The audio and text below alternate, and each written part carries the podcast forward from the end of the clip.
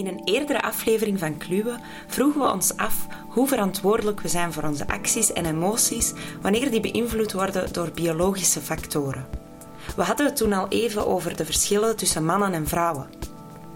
De week waarin veel vrouwen PMS ervaren, voelen ze zich vaak anders dan in de andere weken van hun menstruatiecyclus. Een verschil met mannen, die van hormoonwisselingen minder last hebben. Maar hoe verschillend zijn we eigenlijk? Met genderneutraliteit en genderfluiditeit in opkomst enerzijds, worden er anderzijds nog altijd uitspraken gedaan als boys will be boys en mannen komen van Mars, vrouwen van Venus. Die laatste gaan ervan uit dat seksenverschillen vastgelegd en onveranderbaar zijn.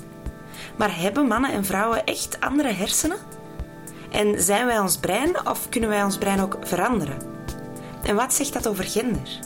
Vandaag spreken we met Annelies Klein-Herenbrink, onderzoekster aan de Universiteit Tilburg, over seksenverschillen, gender en ons brein. Je luistert naar Kluwen.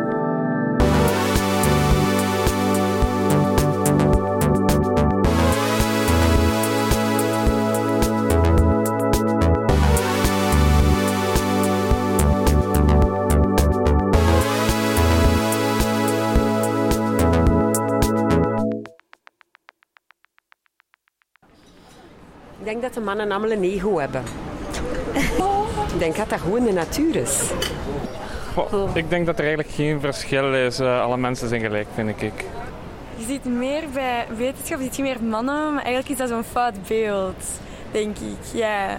Uh, ja, stereotype dingen, dat je er veel. Hè. Ja, man is sterker, vrouw is minder sterk. Maar dat is vooral denk ik, ingeburgerd en zo. En... Uh, tuurlijk is er een verschil. Ik denk dat vrouwen toch anders denken dan mannen. Hebben misschien meer oog op detail. Zijn misschien soms emotioneler. Moeilijke vraag. ik heb voor bepaalde dingen haar nodig om te kunnen denken en goed te denken. Anders zou ik vliegen. Zij houdt mij op de grond. Ik denk dat wij praktischer, dat wij praktischer ja, denken.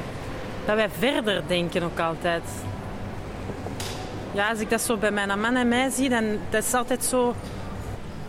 Is zo heel stom, bijvoorbeeld zo sokken hè, die op de grond liggen. Hè. En ik kan me daar dan dood aan ergeren, want ja, de wasmand staat dan twee meter verder en hij legt die... En dan denk ik van, ja, waarom legde jij die er niet in? Ja, ik denk wel dat die anders denken. Ik denk dat vrouwen meer gevoelig zijn dan mannen. En dat mannen meer uh, strategisch denken. Uh, ja, ik geloof wel dat dat echt structureel in de hersenen anders is dan bij de mannen. Dat is uh, heel uh, simpel. Hè. Mannen zijn anders geschapen dan vrouwen. Hè. En de mannen denken na en de, de vrouwen is meer gevoelsmatig. Ja, ik denk dat dat in de genen zit zo. Hè. In bepaalde opzichten dat vrouwen wel misschien meer gedetailleerd zijn en mannen zo meer naar overall picture kijken. En wij zijn veel gevoeliger dan de mannen. Veel leuker, spontaner. uh, wat nog meer, ja. Ik denk dat het in de hersenen zit. Ja, ik denk echt gewoon dat de mens, of de man zo geschapen is. Dat is ook normaal met de evolutie dat dat zo is. Hè. Jij bent in principe om een kind te baren, een man kan die niet doen. De man is altijd de kostwinner geweest. En zal ook denk ik zo blijven. Een vrouw is optimistischer, vind ik. Mannen zien alles altijd zwart in. Allee ja, altijd daarom niet, maar ik denk toch veel meer dan vrouwen. Ik vind, ik vind mezelf ook vrij optimistisch. Ja, ja. De mensen op straat lijken het ook niet goed te weten. Volgens sommigen denken mannen en vrouwen erg anders en hebben we van de natuur uit duidelijk andere kwaliteiten meegekregen. De evolutie verklaart die verschillen, zei iemand. Maar toch dachten veel mensen aan wie we de vraag stelden dat genderverschillen vooral aangeleerd zijn en met de opvoeding te maken hebben. Tijd om onze vragen voor te leggen aan iemand die er meer van weet. Ik wilde je als eerste een hele persoonlijke vraag stellen, uh, namelijk identificeer je jezelf als vrouw? Dat is een goede vraag. Ik denk daar best wel vaak over na. Um, ik denk, ik vind het een hele moeilijk te beantwoorden vraag. Want ik, ik, ik ben wel een, een vrouwelijk iemand in veel opzichten. Uh, ik kleed me graag vrouwelijk, bijvoorbeeld. Ehm, maar ik, ik, heb ook meer mannelijke kanten, zoals eigenlijk iedereen. Um, maar het is natuurlijk een andere vraag. Identificeer je als vrouw of vind je jezelf vrouwelijk? Dus ik weet nooit zo goed waar ik dat aan op moet hangen. Uh, waarin voel je je genderidentiteit? Er zijn natuurlijk mensen die, die worden door de omgeving uh, wel of niet gezien als vrouw en merken bij zichzelf een enorme discrepantie daarbij. En ik denk dat het misschien, misschien iets is wat je pas merkt als er iets wringt. Dat je dan pas echt kan aanwijzen of kan voelen van kijk, dat is het. Um, en ik vind het voor mezelf best wel moeilijk voor te stellen dat ik um, uh, het vervelend zou vinden als iemand mij niet als vrouw zou zien. Um, behalve als bijvoorbeeld mensen eh, zien dokter Klein Heerbrink en dan aannemen dat ik een man ben. Hè, dat, dat is natuurlijk die bias ik natuurlijk wel vervelend. Maar het, mij persoonlijk, dat ik denk van ik vind het belangrijk dat mensen mij als vrouw zien. Um, dat heb ik niet zo. Dus dat maakt dat ik die vraag moeilijk, moeilijk te, te beantwoorden vind. We willen het hebben over seksenverschillen en dan met name over seksenverschillen in het brein. Zijn die er? Um, ja, er zijn, uh, als je kijkt in het onderzoek, worden er heel veel seksenverschillen in het brein uh, gevonden. Um, de vraag is alleen hoe moeten we die verschillen begrijpen? Hoe, hoe ziet dat hele plaatje eruit? Want ik zei net al, ik, ik, als ik kijk naar mijn persoonlijkheid, heb ik uh, meer vrouwelijke eigenschappen en meer mannelijke eigenschappen. En er, er is recent onderzoek wat laat zien dat in het brein uh, dat het eigenlijk net zo goed een soort van mozaïek is in elk individu. Dus als je gemiddeld, gaat, als je gemiddeld groepen gaat vergelijken, zul je misschien in, gemiddeld in vrouwen uh, wat andere dingen vinden dan in mannen. En wat zijn dat dan voor dingen? Hoe ziet een vrouwenbrein eruit? Um, nou ja, het, het, punt is dus als het uh, niet optelt, uh, op de manier uh, waarop we vaak denken, dan is er niet zoiets als het vrouwelijk brein of het mannenbrein. Daar hebben we het wel vaak over. Net zoals er niet het vrouwenkarakter of het mannenkarakter is. Dus we moeten altijd goed in de gaten houden dat we het over gemiddelde hebben.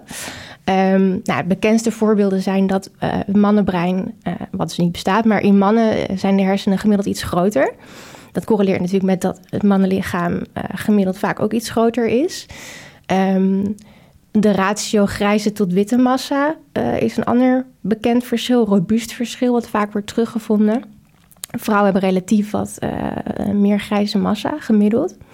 Maar dan rijst natuurlijk meteen weer de vraag: wat betekent dat dan? Betekent hè, er is heel lang gedacht dat het verschil in, in het formaat van het brein ook betekende dat mannen intelligenter waren. Nou, we weten inmiddels dat dat niet zo is. Uh, dat werd dan ook meteen gebruikt om vrouwen bepaalde rechten te ontzeggen. Een eeuw geleden, toen vrouwen nog geen stemrechten hadden, werd vaak uh, hun kleine breintje aangehaald als argument van, nou, politiek, dat kunnen ze helemaal niet aan. Uh, ja, dus en de vraag is ook, we hebben bijvoorbeeld dat verschil in de ratio van grijze en witte massa, compenseert dat misschien voor het verschil in, in hersenformaat? Is bijvoorbeeld de meest optimale manier om een groot brein te laten werken anders dan om een klein brein te laten werken. Dus hebben we een van de dingen die vaak wordt aangenomen is dat als we verschillen zien in het brein, dat dat dan ook sociale verschillen of gedragsverschillen of karakterverschillen kan verklaren. Maar het kan best wel zo zijn dat het ene fysieke verschil compenseert voor het andere fysieke verschil en leidt tot gelijke uitkomst. En dat zijn vragen die, voor zover ik weet, nog steeds open liggen. Oké, en zijn er al onderzoeken die daar uh, al conclusies aan verbinden of niet? Of je het daar nu misschien mee eens bent of niet? Um, wat wordt er nu gezegd over een, een mannen- en vrouwenbrein? Um, wat er nu vaak wordt gezegd is er, er uh, onderzoekers bedienen zichzelf wel vaak van termen als het vrouwenbrein, het mannenbrein, uh, hebben het vaak over dimorfisme dimorphism in het Engels, letterlijk komt voor in twee vormen om seksenverschillen te benoemen. Terwijl die seksenverschillen die in het brein worden gevonden, zijn uh, doorgaans eigenlijk hartstikke klein. Dat betekent dat er heel veel overlap tussen mannen en vrouwen is en heel veel variatie in elke groep onderling. Um, dus eigenlijk die termen waarin er over wordt gesproken, en vaak zie je dat ook in de afbeeldingen, dan worden die verschillen uit elkaar getrokken in twee verschillende plaatjes. Het gemiddelde mannenbrein en het gemiddelde vrouwenbrein. Wat dus eigenlijk een soort van uh, statistische compositie is. Iets heel abstracts wat eigenlijk helemaal niet bestaat.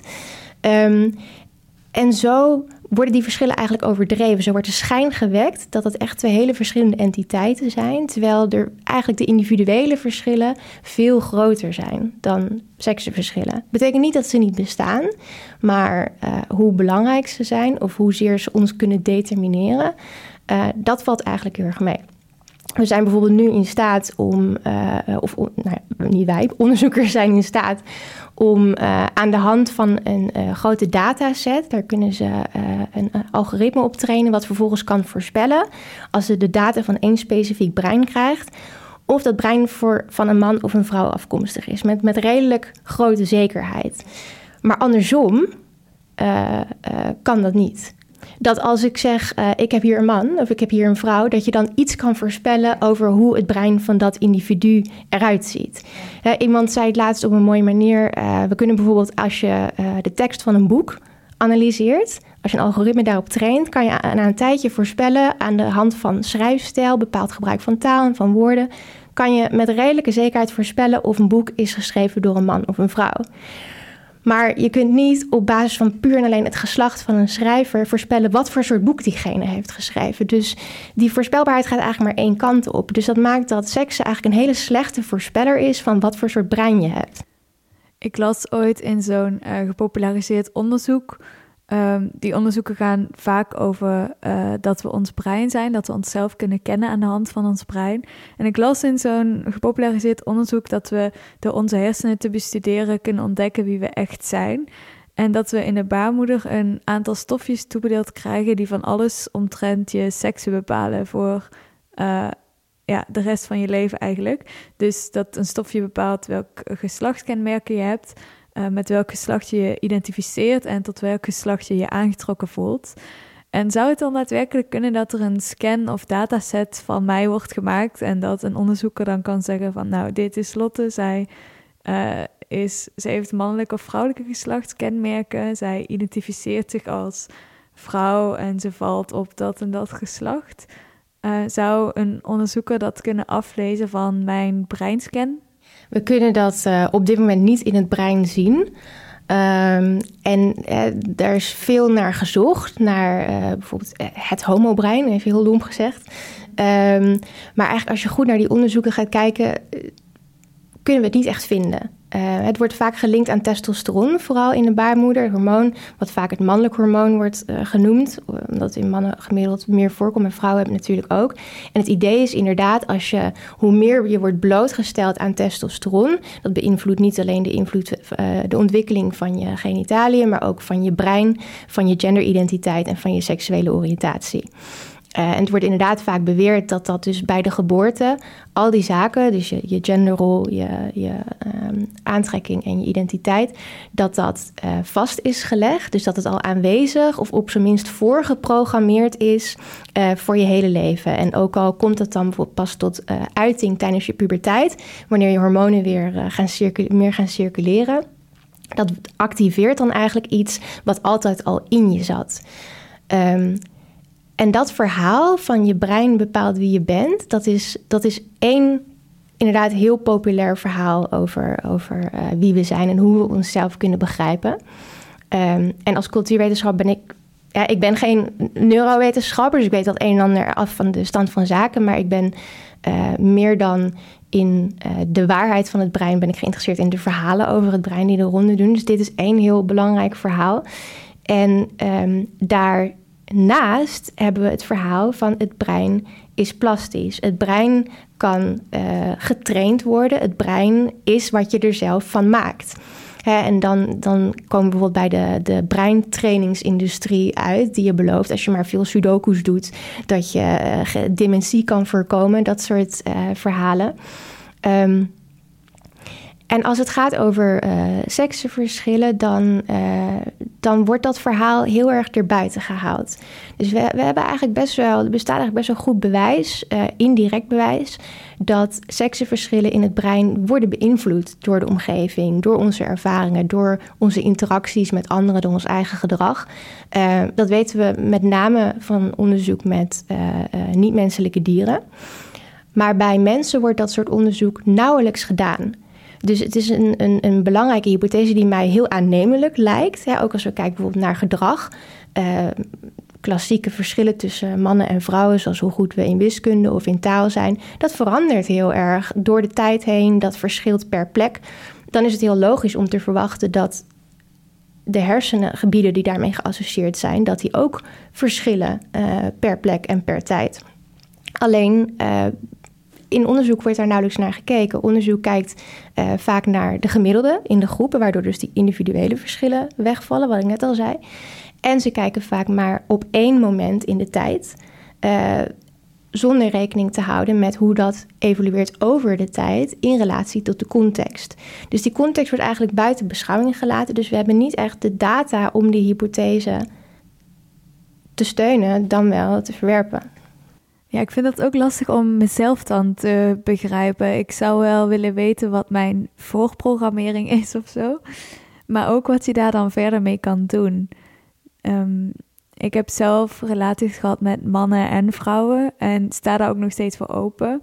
Maar ik heb ook vrienden die erg geworsteld hebben met uit de kast komen, bijvoorbeeld. En die niet het gevoel hebben dat die voorprogrammering te overkomen is of zo. Dus dat is dan lastig te begrijpen. Hoe moeten we dat afwegen? Het idee van je, je bent zo geboren of je wordt zo geboren is uh, uh, natuurlijk voor uh, emancipatie, LGBT-emancipatie, heel belangrijk geweest. Het idee van dit, zo ben ik nou eenmaal, dit is gewoon een natuurlijke variatie, dus moet het geaccepteerd worden. Um, maar we hebben ook in tijden geleefd waarin het de andere kant uitging, dat biologische argument. Waarin werd gezegd: uh, dit is een, een, genetische afwijking, dit is een biologische afwijking. Wat het een ziekte maakt, wat maakt dat we het, het moeten bestrijden. Um, dus biologie is geen garantie voor uh, acceptatie. Uh, maar net zo goed als het geen garantie is voor verwerping. Um, iets soortgelijks zie je bij de discussie over um, wat uh, neurologisch, neurowetenschappelijk bewijzen doet voor mensen met uh, psychische problemen. He, bijvoorbeeld een depressie of een verslaving, dat uh, wordt vaak getoond in de hersenen. En dan kennen we echt die plaatjes van gezonde hersenen naast depressieve hersenen. Dat lijkt dan een beetje op die posters van voor en nadat je drugs gebruikt. De ene is heel shiny en gezond en de andere is wat meer nou, verfrommeld. Um, en dat kan ook twee kanten uitgaan. Aan de ene kant uh, uh, kan dat voor een soort van uh, stigma leiden, hè, van er is echt iets mis met mij. Maar tegelijkertijd kan dat voor mensen juist ook een soort van bevestiging geven van dit, is, dit zit in mijn brein inderdaad, ik kan daar niks aan doen. en dat, dat, dat ontslaat je dan een beetje van de, van de verantwoordelijkheid. Je kan het aanwijzen ergens, je kan het neerleggen bij je brein. En um, daar een soort van afstand van creëren. Van dit is niet, dit ben ik niet, dit is uh, mijn ziekte. Om dan even terug te gaan naar de plasticiteit van het brein, zouden we ook kunnen onderzoeken, of misschien wordt het wel onderzocht, of dat binnen een leven kan veranderen. En, en wat zegt dat dan over gender bijvoorbeeld? Zou je, zou je daar verschillen in kunnen zien binnen een leven van iemand? Uh, ik verwacht van wel. Um, er is um, voor zover ik weet, weinig tot geen onderzoek. Uh, of het is in ieder het is heel schaars onderzoek wat kijkt naar uh, wat seksenverschillen in het brein in een bepaalde groep mensen of in bepaalde individuen in de gaten houdt over de tijd. Um, maar er is bijvoorbeeld wel onderzoek uh, wat heel duidelijk bij ratten laat zien. Bijvoorbeeld dat onderzoek dat, dat gaat al terug tot in ieder geval de jaren tachtig. Uh, ratten die worden in een laboratorium vaak in een soort van standaardomgeving gehouden. Zeker toen was het nog best wel een, een kale, stressvolle bedoeling. Ehm, maar je kon ze ook in een, in een wat verrijkte omgeving op laten groeien. Um, waarin ze wat meer interactie hadden met soortgenoten en gewoon wat meer verstopplekjes, speelgoed, dat soort zaken. En uh, daarbij wordt wel gezien dat seksenverschillen in de hersenen, um, die bijvoorbeeld met uh, navigatie te maken hebben, dat die in de ene omgeving, dat bijvoorbeeld de mannetjes daar wat meer verbindingen hebben. En in de andere omgeving juist de vrouwtjes wat meer verbindingen hebben. Dus dat laat wel zien dat de manier waarop seksenverschillen zich ontwikkelen uh, af kunnen hangen van de omgeving. Soms draaien ze om, soms kunnen ze verdwijnen. Um, en dat is natuurlijk ook, uh, als je vanuit evolutionair oogpunt kijkt, is het natuurlijk ook heel adaptief om dat soort dingen, om daarin flexibel te zijn. Maar goed, nogmaals, dat soort onderzoek bij mensen is dus schaars. Zijn wel wat studies die bijvoorbeeld laten zien um, um, als je videospelletjes speelt. Um, dan train je heel erg je, uh, bij bepaalde videospelletjes train je je um, cognitie. Dus bijvoorbeeld de skill die je vaak in uh, intelligentietests ook tegenkomt, waarin je een plaatje ziet van een, uh, een, geometrische vorm. En dan drie plaatjes en dan moet je kiezen wat is dezelfde vorm van de achterkant gezien. Dus dan moet je in je gedachten moet je dat voorwerp keren. In de psychologie is dat een van de meest robuuste en grote seksenverschillen die we vinden. Mannen zijn daar gemiddeld uh, vaak beter in. Maar er zijn ook onderzoeken die laten zien... als je een groep mannen en vrouwen een tijdje uh, laat oefenen met videogames... dan trekt dat heel erg bij. Dan halen vrouwen die mannen al heel snel bij. Um, en er zijn een paar studies die ook hebben gekeken van verandert dan ook iets in de hersenen. En inderdaad, die hebben wat aanwijzingen gevonden dat ook in de hersenen bepaalde seksenverschillen kleiner worden. De manier waarop mensen aandacht verdelen of wat er gebeurt in die gebieden, die worden geassocieerd met die skill. Ja, en zijn er dan ook verklaringen waarom dat bij mannen een betere skill is? Ik kan me voorstellen dat als je als geslacht duizenden jaren meer de kans hebt om iets te doen, bijvoorbeeld in bepaalde beroepen of iets dergelijks, dat het dan op die manier ook beter ontwikkelt. Ja, dat, uh, dat soort verklaringen zijn er inderdaad. En daar wordt ook vaak voor naar uh, de evolutie uh, verwezen, naar het hele vroege verleden toen we nog een soort nomaden waren. Um, waarbij uh, mannen dan op pad gingen om te jagen en vrouwen meer dicht bij huis bleven. Dus voor mannen was het inderdaad belangrijker om zich te kunnen oriënteren. Um, of om in te schatten, goh, als ik nou om dit dier heen trek, uh, heb ik dan een betere positie om het te vangen. Dat soort verklaringen. Um, nou vind ik dat altijd lastig, want dat soort verklaringen zijn heel moeilijk om hard te maken. Je kan vaak voor elk verschil wel een evolutionair verhaal verzinnen. Ja, en dat wordt ook vaak andersom gebruikt. Dat mannen dat gingen doen omdat ze daar nu eenmaal ja. beter in zijn. Dat kan natuurlijk net zo goed. En ik denk als het echt zo evolutionair vastlag, um, dan zou je nu niet zien dat die seksverschillen in gedrag zo flexibel zijn. Dus door een paar dagen te gamen, dat het dan al verandert. Dan vind ik het een veel logische verklaring dat gamen uh, heel lang iets is geweest wat jongens meer in hun jeugd doen. Al is dat volgens mij inmiddels al niet meer zo. Hoe kunnen we daarmee omgaan met die plasticiteit aan de ene kant? We worden aangemoedigd om ons brein te trainen, om sudokus te maken en te gamen bijvoorbeeld. Aan de andere kant liggen er dus ook bepaalde dingen vast of zijn er dingen voorgeprogrammeerd. Hoe kunnen we daarmee omgaan met die duale functie van het brein? Ik denk dat we daar wat minder binair naar moeten proberen te kijken. Want als je inderdaad zegt aan de ene kant is het brein plastisch, maar aan de andere kant liggen er dingen vast, dan uh, zit je eigenlijk weer in de klassieke nature-nurture debate. En dan probeer je dingen eigenlijk te verdelen over dit kunnen we veranderen, dat kunnen we niet veranderen. Um, of in een wat modernere vorm, uh, dit ligt voor 30% vast en voor 70% kunnen we er nog iets aan doen. En ik denk dat we uh, manieren moeten vinden. Dat is natuurlijk makkelijker gezegd dan gedaan, want er zijn filosofen al uh, heel lang mee bezig om dat te proberen. Om in een frame te denken waarbij we die binariteit um, te niet doen. Dus om het brein te zien als iets wat inderdaad in verbinding staat of interacteert met um, de omgeving, wat zich um, ontvouwt of, of ontwikkelt over de tijd heen, terwijl we uh, ons leven aan het leven zijn. Um, dus niet als een statisch iets, maar wat ook niet een, een, een neutrale homp klei is, die alleen maar van buitenaf vorm wordt gegeven, maar die ook ja, zijn eigen, op zijn eigen termen verandert. Ik weet niet of dat een goede manier is om te zeggen, maar ja, iets wat ook een beetje terugduwt of weerstand biedt en op, op specifieke manieren reageert. Uh, dus om echt meer uit te gaan van die interactie. Um, en op die manier proberen om, om een beetje uit die twee kanten te komen. Want je ziet aan allebei die kanten zie je overdrijving. Er wordt, als je kijkt naar welke seksenverschillen liggen vast dat is al eigenlijk al een hele verkeerde vraag, denk ik. Um, daarin zie je dat die seksenverschillen steeds worden overdreven. De, de mate waarin we kunnen zeggen dat ze aangeboren zijn, is overdreven. Maar aan de andere kant ook de, de beloftes in van die plasticiteitsdiscoursen van je hebt je eigen lot helemaal in het hand, is ook overdreven. Dus allebei te rooskleurig. En dat kan allebei bestaan door die dualistische manier van denken. Ja, we hebben het nu gehad over um, hoe we onszelf kunnen kennen. Um, maar het brein zegt natuurlijk ook veel over, of onderzoek naar het brein zegt ook veel over hoe we andere mensen kennen of wat we over andere mensen denken.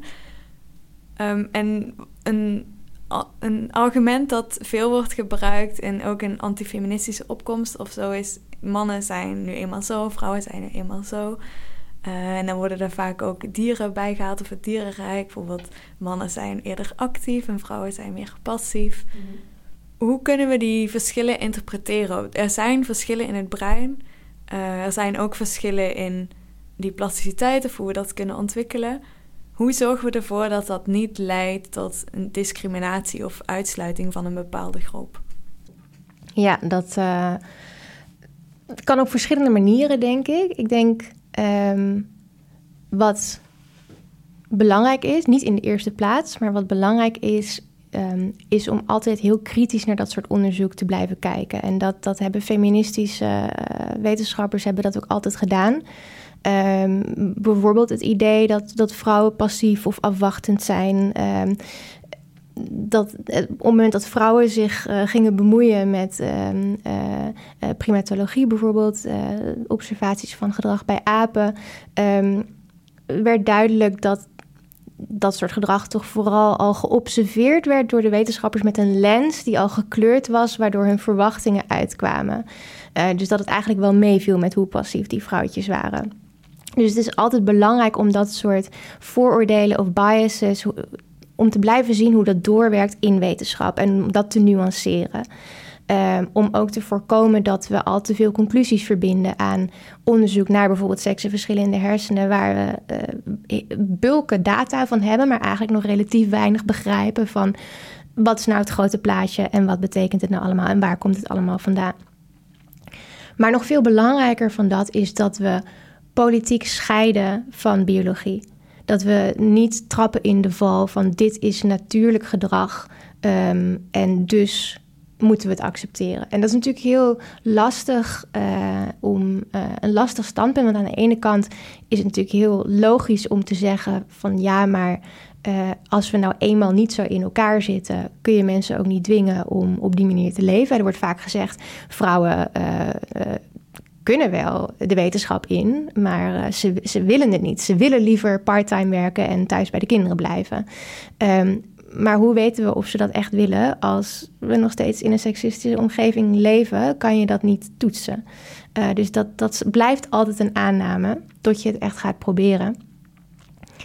En het, is nooit een, het kan nooit een excuus zijn van dit gedrag is natuurlijk en dus moeten we het niet willen veranderen. Ik bedoel, kijk naar, als je kijkt naar de dierenwereld, zie je bijvoorbeeld ook dat uh, agressie uh, heel natuurlijk gedrag is. Wat heel vaak voorkomt. Dieren vechten constant met elkaar. Um, maar bij elkaar keuren we dat af. We hebben hele instituten opgetuigd, rechtbanken, gevangenissen, noem maar op, om dat gedrag te beteugelen. En we zijn het met z'n allen erover eens dat dat ongewenst is, ook al zit het misschien in ons. Um, en op die manier, zelfs als je zou stellen uh, dat mannen en vrouwen van nature anders zijn, is dat niet per se een reden om dat niet te corrigeren. Ja, het zal geen verrassing zijn dat ik het met je eens ben. um, ik denk waar, misschien heb je daar geen antwoord op, maar ik denk dat, dat veel jonge vrouwen of vrouwen in het algemeen uh, in deze tijd worstelen met uh, die discussie aangaan. En ik vroeg me af of je een een aanpak hebt om uh, als iemand tegen je zegt, nou vrouwen zijn nu eenmaal zo of mannen zijn nu eenmaal zo. Wat zouden we daar tegen kunnen zeggen? Ja, er zullen altijd mensen zijn, en, en die zijn er inderdaad genoeg, die um, of volhouden dat wetenschap neutraal genoeg is of 100% neutraal kan zijn. Uh, of dat het in de maatschappij wel meevalt met ongelijkheid.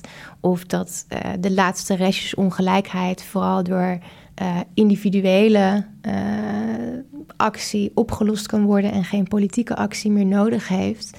Um, en ik denk, ja, Google maar eens, zou ik willen zeggen. Er is genoeg, er zijn genoeg bewijzen, er zijn genoeg voorbeelden van het tegendeel.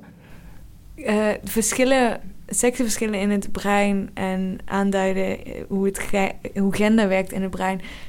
Um, is dat, kan dat ook nog heel nuttig zijn? Want we hebben het nu eigenlijk vooral gehad over kwalijke zaken. Ja. Of hoe het kwalijk uit kan werken. Maar uh, op welke manier kan het nuttig zijn?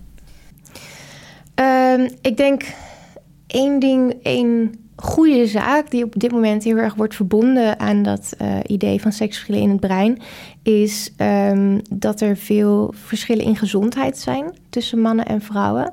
En dat in uh, onderzoek vaak alleen wordt gekeken naar uh, mannen. Dat is eigenlijk bij onderzoek bij mensen valt het inmiddels wel mee. Maar als je kijkt, eh, onderzoek um, bijvoorbeeld naar, naar hersenziekten, worden vaak gedaan op niet-menselijke dieren, die dan als model worden gebruikt. En wat je daar nog heel veel ziet, is dat er vaak uitsluitend gebruik wordt gemaakt van mannetjesdieren. Of dat er wel wat vrouwtjes bij zitten, maar dat er niet echt wordt gekeken of die anders uh, werken of anders reageren. Um, en dat is de laatste jaren heel erg op de politieke agenda naar voren gekomen. Van daar moeten we echt iets aan doen. Want dat kan ertoe leiden, als we alleen maar naar één soort lichamen kijken, kan ertoe leiden dat, we, uh, dat de diagnoses voor vrouwen niet optimaal zijn, dat medicijnen voor vrouwen niet optimaal zijn. Nou, iedereen is het erover eens, ik ben het er ook hartstikke mee eens. Daar moeten we echt wat aan doen. Maar wederom de manier waarop die seksenverschillen dan worden geconceptualiseerd, uh, daar is nogal wat discussie over. Um, want dan wordt er vaak inderdaad gezegd, vrouwen en mannen zitten anders in elkaar. Dus moeten we ze ook vanuit medisch oogpunt anders bezien. Uh, daar moeten we echt oppassen dat we niet uh, weer te binair gaan denken. Te veel in nature en nurture gaan denken. Maar dat we echt oog hebben voor die interactie tussen biologie en omgeving. Want die verschillen tussen mannen en vrouwen. Bijvoorbeeld het feit dat vrouwen veel vaker depressief zijn dan mannen. Dat zit hem echt niet alleen maar in de biologie. Maar ook bijvoorbeeld in de sociale ongelijkheid die uh, op vrouwen drukt. Um, en uh, dat er ook veel verschillen zijn tussen vrouwen onderling en tussen mannen onderling. Dus niet alles tot seksen als een binaire biologische variabele terugbrengen, maar om iets meer complexiteit erin te houden. Ja, ik heb inderdaad wel eens gehoord van uh, bijvoorbeeld zoiets simpels als een beveiligingssysteem in een auto, dat dat bijvoorbeeld helemaal gemaakt is op uh, mannen afmetingen bijvoorbeeld. Ja. En dat zijn dan duidelijk verschillen tussen vrouwen en mannen lichamen die er dan toe doen. Absoluut. Hè. Die, die systemen die, uh, werden alleen getraind met mannen... die gemiddeld natuurlijk wat lagere stem hebben dan vrouwen. Dus door die toonhoogte uh, konden die systemen veel vrouwenstemmen niet horen. Um, maar natuurlijk zijn er ook wat mannen met een vrij hoge stem... en wat vrouwen met een vrij lage stem. Dus het is wel een probleem wat vrouwen gemiddeld meer raakt. En dat maakt het een vrouwenprobleem. Um, maar dat betekent niet dat het verschil tussen mannen en vrouwen absoluut is. Ik ben nu aan het kijken naar platform, online platforms die zich inzetten voor, uh, wat ik net al zei, om die verschillen in, uh, uh, in gezondheid aan de kaak te stellen. En dan vooral over het gezonde vrouwenbrein meer te weten te komen. En daar zie je eigenlijk ook heel erg die splitsing tussen uh, het brein als van nature vastliggend en het brein als plastisch, waarin wordt gezegd: ja, er zijn die biologische verschillen tussen mannen en vrouwen. Uh, wat maakt dat vrouwen vaker bijvoorbeeld Alzheimer's hebben of vaker depressie. dus het vrouwenbrein is kwetsbaar en daar moeten we meer over weten en dat wordt te weinig erkend. En tegelijkertijd staan op dat soort websites allerlei adviezen over hoe je als vrouw desondanks je brein gezond kan houden door yoga te doen en avocado's te eten en jawel, meer te glimlachen. Uh, allerlei hele stereotype vrouwelijke bezigheden ook nog is. Um, en wat er eigenlijk uh, uit het zicht verdwijnt tussen aan de ene kant het biologische en aan de andere kant dat individuele leefstijladvies, is um, op welke manier structurele sociale ongelijkheden en machtsverschillen ook bijdragen aan in de eerste plaats gezondheidsverschillen en in de tweede plaats of wij het privilege hebben om elke dag naar yoga te gaan en avocados te eten. Ehm, dus ook daar is wat meer complexiteit gewenst en wat meer integratie van die twee kanten. Ja, dus een pleidooi voor meer complexiteit en minder opdeling. Ja, maar helaas, wetenschap blijft altijd reductie. En zeker als je nog naar een groter publiek wil communiceren, moet je de boodschap altijd wat versimpelen. Um, dus, dus dat blijft altijd heel moeilijk. We hebben nu vooral gehad over eh, mannen en vrouwen, maar er is ook een genderneutrale beweging in opkomst. Om bijvoorbeeld je kind genderneutraal op te voeden. Of je had het in het begin al even, geloof ik, over genderfluiditeit. Ik heb mannelijke eigenschappen, vrouwelijke eigenschappen. Kunnen we die verschillen ook in het brein zien? Of kunnen we aan iemand zien die zich genderneutraal identificeert of iets dergelijks? Um, daar, ik moet bekennen dat ik daar wat minder uh, in zit, er wat minder expertise over heb. Maar de onderzoeken die ik vaak zie langskomen, um, zijn ook vrij ouderwets in de zin dat dan vaak wordt gevraagd: um, lijken de hersenen van transvrouwen op de hersenen van cisvrouwen en lijken de hersenen van transmannen op de hersenen van cismannen?